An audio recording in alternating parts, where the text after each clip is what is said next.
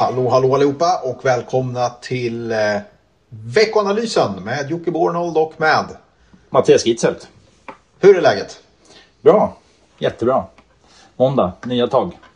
Ja, jag sitter hemma i Flaxenvik och vet ni vad? Just nu, eh, det här är ju faktiskt helt magiskt för just nu när jag blickar ut så ser jag fyra stycken havsörnar som svävar in här eh, över Flaxenvik. Ja, och det, det var ju- det har ju absolut ingenting med den där podden att göra. Men det kom just nu och jag blev eh, lite starstruck. Det är coolt, det händer ibland. Inte jätteofta, men det händer ibland att havsörnarna dyker upp här och eh, ja, just nu förgyller de min tillvaro här. Ja, Eh, vi, har, vi har faktiskt en ibland. Ja. Men det känns inte som värt att nämna. Man känner sig bräckt i det här. Ja. Men det är ändå häftigt. Ja, det var mäktigt faktiskt. Eh, enorma seglare. Och eh, nu försöker jag förgäves hitta en brygga över till veckans podd. Men vi gör helt enkelt så att vi skiter i fåglarna och hoppar rakt in i rapportperiod istället. Ja. Den är också ganska högflygande kanske man kan säga. Bra rapporter får man säga, rent generellt. Verkligen. Kanske inte lika vassa rapportmottaganden. Men bra. Nej. Absolut. Det låg väl lite i farans riktning kanske när man kommer in med en ganska hög värdering. Eh, då, då räcker det inte.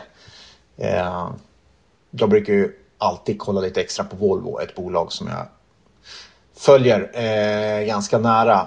Och där var det ju en kanonrapport. Eh, jättestark orderingång, eh, rekordhög marginal, allt som man kan tänka sig. Men eh, ja, den lyfte 2 tror jag. Mm.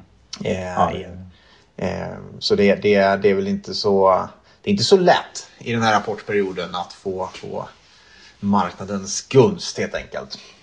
Jag, vet, jag tittar inte lika mycket på enskilda aktier som du, men det känns lite grann som det är framförallt i verkstad som det har varit så. Jag tänker Sandvik var ju så också, stark orderingång, gick ner. SKF också ner. Eh, och så några andra bolag som istället ja, gick upp. Så att, eh, har du sett någon tydlig så här, sektortrend? Att det är vissa bolag som drabbas mer? Eh, jag tänker framförallt också kanske på den här halvledarbristen vi har pratat om. Att det är liksom, ja, någon Ja, slags men kring kommunikationen i verkstad eller liknande. Ja, men kanske. Eh, kanske att det är lite tuffare för verkstad. Men verkstad kommer ju in ganska höga värderingar också. I och för sig. I och för sig. Eh, så det, det kan man väl acceptera. Vi, vi får se hur det går för bankerna. Det ska bli spännande. Vi, Handelsbanken har ju redan kommit. Men nu kommer ett gäng banker den här veckan också. Då. Eh, så finns vi, finns vi väl mer. Eh, ja, så får vi väl se helt enkelt. Eh, det är ju ganska mycket fokus på kostnader också förstås. Eh, När man lyssnar på konferenssamtalen. Eh, kommer in mycket frågor från analytikerna på kostnadssidan faktiskt. Kan man säga rent Har det varit någonting i, jag tänker på valutor som har rört sig? Har det varit någonting där eller? Ja, inga, inga stora slag skulle jag vilja säga. Ehm, och eh, nej, men någonting som sticker ut, ja det är väl den här halvledarbristen. Och egentligen brist eh, på komponenter överhuvudtaget. Det verkar vara mer än halvledar, halvledare som det är lite svårt att få fram eh, på vissa håll och kanter. Eh, och det, det kan ju faktiskt också ha, som du säger, då, en, en dämpande eh, effekt på, på, eh, på de här rapporterna. Att, eh, ja, men det är ganska många bolag som flaggar att det, det är svårt att förutse hur det ska hur det kommer att se ut framåt här. Eh, och, och vissa har väl pratat om att det kan vara stökigt faktiskt hela nästa år också eh, med vissa komponenter. Ja. Så det, är- det är klart, det är en, en negativ faktor helt klart. Det är det ju. Men annars eh, sammantaget får man nog säga man möter ju ett kvartal då som var kanske betydligt mer eh, svårare förra året för då, då var vi precis, precis inne i, värsta coronapandemikrisen och full eh, en, en börs som föll eh, kraftigt och så vidare när man rapporterade. Så det var ett ganska stökigt kvartal. Men eh, det här kvartalet ser ju betydligt mer positivt ut. Det, det känns som att man, ja, man kanske är på väg att växa in den där stora kostymen ändå. Ja, verkligen. Ja, men det är kul i alla fall, även om eh, kanske mottagarna inte alltid varit så positiva här nu så är det ju kul att faktiskt se den här ordentliga förbättringen. Alltså bra orderingång och förbättring i många, många delar. Så att, eh, ja, känns ju roligt i alla fall. Och det är ju det vad makro har visat också egentligen under de senaste månaderna att det faktiskt det bör vara så att orderingång håller upp med tanke på alla ledande indikatorer och annat som, som kommer in. Eh, faktiskt. Hur såg det ut på, på makrosidan förra veckan? Det var räntebesked va? Ja, exakt. Eh, relativt tunt vad gäller statistik egentligen så. Eh, Däremot som sagt räntebesked från Europeiska centralbanken eh, håller ju styrräntan oförändrad precis som väntat. Fortsätter även med förhöjda tillgångsköpen som man har så inga egentligen oväntad kommunikation där. Och sen så kommer då, kom det lite konferensindikatorer, preliminära inköpschefsdata från Europa där det då faktiskt visar på rekordhöga siffror för för tillverkningsindustrin eh, samtidigt som även tjänstesektorn då över det här viktiga 50-strecket. Så riktigt bra siffror där. Och eh, samma sak i USA, de här preliminära siffrorna, rekordnivåer. Så det är ju verkligen, eh, verkligen stark återhämtning som i alla fall inköpschefer förväntar sig. Eh, fick lite bostadsmarknadsstatistik i USA. Eh, visar på bra aktivitet, fortfarande höga priser även om det var lite svagare än väntat. Och sen så hade vi då den här, vi nämnde det förra veckan, att det skulle komma den här Conference Board Leading Indicators som ju är en sammanvägning av olika indikatorer för att vara en slags ledande indikator. Och inköpschefsindex i sig är ju till exempel en ledande indikator. Det visar ju egentligen inget annat än att den ska visa vart tillväxt ska ta vägen ett antal månader framöver.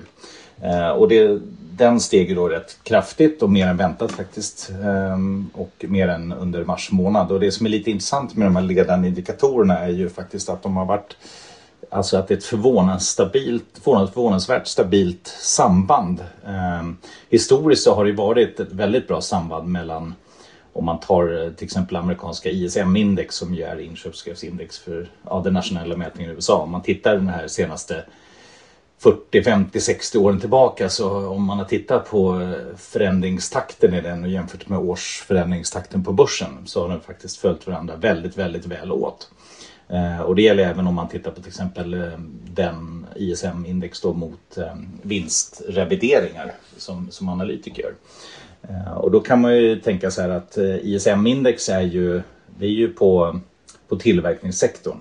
Och nu ser ju börsen faktiskt ganska annorlunda ut. Eh, vi har ju rätt mycket mer teknologibolag i till exempel världsindex eller amerikanska index.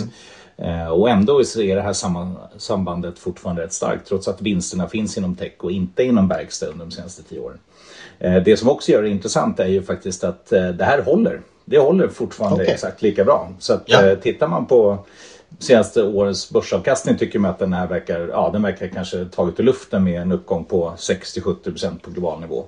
Men eh, det är ju faktiskt vad, vad det här amerikanska ISM-index har indikerat. Och även om man tittar på analytikers förväntningar så har de varit ungefär i linje med vad amerikanska ISM indikerar. Så det det gör intressant i det här är ju då självklart, ska det här fortsätta? Eller är det en peak? Och vad händer om det är en peak, en topp i, i ISM-index? Och då har jag faktiskt tittat på en tabell där man då sammanställer såna här historiska toppar i ISM-index från 70-talet fram tills idag. Eh, och tittar på vad som händer då en månad efter toppen, tre månader efter toppen, sex månader, tolv månader efter toppen. Och faktiskt, ja, jag vet inte om det är förvånansvärt, men det är rätt intressant. Snittet visar då att efter en månad så går det i snitt eh, ungefär noll på börsen. Tre ja. månader senare så är det minus två. Sex månader senare minus en och sex, 12 månader senare plus en procent. Så det är i princip oförändrat mm. efter en topp. Och man kan tro att det kanske ska falla då. Just att, äh, ja. Äh, och sen är det ju självklart också frågan, har vi en topp eller inte? Och det har vi inte sett hittills utan vi ser ju bara förbättring. Så jag skulle säga att även när det här toppar så är det inte risk för att vi plötsligt får se en större nedgång på börsen givet att det här sambandet fortsätter att hålla. Så lite intressant idag. Ja, verkligen. Du, ähm, det med topp eller inte, vi, vi, kanske kan, eh, vi kanske får den prövad i den här veckan som kommer här. För det är eh, ett gäng eh, amerikanska giganter som rapporterar. Mm. Um, Apple, Microsoft, Amazon, Facebook, Google. Hur, hur känns det? eller, typ viktigt för börsen. ja, eller hur? Uh, och det är klart, uh, man snappar upp här också att uh, det är en, ett väldigt stort spann på analytikernas estimat och det är för att det uteblivit guidning. Och då är det så här, eh, amerikanska bolag till skillnad från svenska ger ofta en ganska tydlig guidning åt vart man är på väg. Det brukar inte bli så stora överraskningar men den här veckan kanske det kan komma då eftersom den guidningen har uteblivit till den här, till den här rapportperioden och att estimaten är eh, betydligt mer isär. Så eh, det är lite spännande förstås. Eh, kanske kan bli en, en rysare den här veckan. Här har vi i alla fall bolag som lär, eh, lär, få, eh, lär ha drabbats av eh, halvledarproblematik kan man ju tänka sig. Mm. Och, eh, jag tror vi nämnt det tidigare men alltså, i princip om man tar de här bolagen och kanske några stora tungviktare till så har, rensar du bort dem så har vi i princip inte haft så mycket börsuppgång i USA och inte så mycket vinsttillväxt. Så det här är ju verkligen och det är också där om man tittar närmaste åren, det är där vinsttillväxten ligger. Det är där förväntningarna ligger. Så det är fortsatt väldigt viktigt naturligtvis. Yes. Mm. Bra. Du, eh, på makrofronten då? Det är lite mer eh, räntebesked som kommer va? Mm. Både svenska riksbanken och amerikanska Fed kommer ju då. Och det är faktiskt också det som är de stora grejerna den här veckan. Det är fortsatt väldigt tunt på riktig statistik. Vad gäller sånt så har vi Eh, i och för sig konsumentförtroendet i USA och vi har IFO-index i Tyskland. Eh, men annars så är det i princip Riksbanken och Fed och även där så är det faktiskt begränsat med eh, ja, intressanta delar. Titta på, om man tittar på Fed till exempel så är det ju, har de ju sagt att de sannolikt kommer sänka takten på obligationsköpen långt innan man börja med någon slags räntehöjning. Eh, och samtidigt så ligger inte förväntningarna alls på att det kommer någon slags kommunikation kring att sänka takten på obligationsköpen. Så, så ganska tråkigt på det sättet. Eh, men man kommer naturligtvis väga varenda ord i den här kommunikationen. Eh, men inga förväntningar på att det inte sker någonting i princip. Eh, och samma sak eh, gäller ju Riksbanken. Ingen förväntning eh, på, på någon förändring av, av räntan. så så att, nej, ganska, ganska tunt faktiskt. Så, utan vi får titta på vad de säger och sen självklart titta på de konsumentförtroendesiffror som kommer faktiskt både i USA, eurozonen och i Sverige. Så viktigt för framtida konsumtion. Just det. Ingen förväntar sig någonting, vilket gör kanske att om någonting händer så kan det bli en, en stor reaktion. Är det Absolut. så man ska? Ja. ja, så kan man säga. Och det är samma sak är det ju med, faktiskt med konsumentförtroende också. Alla förväntar sig att det här håller sig på hyfsat hög nivå. Framförallt nu när vaccinationerna rullar ut. Inte minst i USA då där man räknar med en riktig coronaboost eh, efter ett år av lite svagare förtroende. Så att eh, ja, exakt så är det det är, alla förväntar sig att förväntningarna infrias. Mm. Ja, det är nog höga förväntningar på, på den här veckan också. Det är enormt mycket rapporter som kommer. Jag vet inte om vi ska plocka ut någonting. Men närmst, vi pratade om de amerikanska jättarna. Eh, det är fler amerikanska jättebolag som, som kommer med rapporter. Men det är ju för, framförallt kanske, eller framförallt, men, men det är så i alla fall. Det är många svenska bolag också kvar. Många stora mm. svenska bolag kvar den här veckan som, som man kan hålla utkik för. Jag kikar väl lite extra på SEB på onsdag och eh, Nordea på torsdag. Det ska väl bli intressant. Och så har vi Swedbank skrev vi upp någonstans också där mitt i högen men eh, nu hittar jag inte den. Men jag tror att det är på torsdag också. Någonting annat som vi ska ha med oss tycker du? Eh, jag tittade lite på rörelser förra veckan och så. Det finns egentligen ingenting som sticker ut varken på aktier, räntor, valuta eller råvarumarknad som jag tittar lite snabbt här på. Så att, eh, nej, det känns ganska, ganska stabilt fortfarande faktiskt. Mm. Sverige sticker ut lite fortfarande. Mm. Eh, SIX-index eh, med utdelningar 20 procent. Ja, det är en, det är en helt okej okay första kvartal. Eller? Det är jätte, jättebra faktiskt. Ja. Eh, eller ja, fyra månader har det gått faktiskt.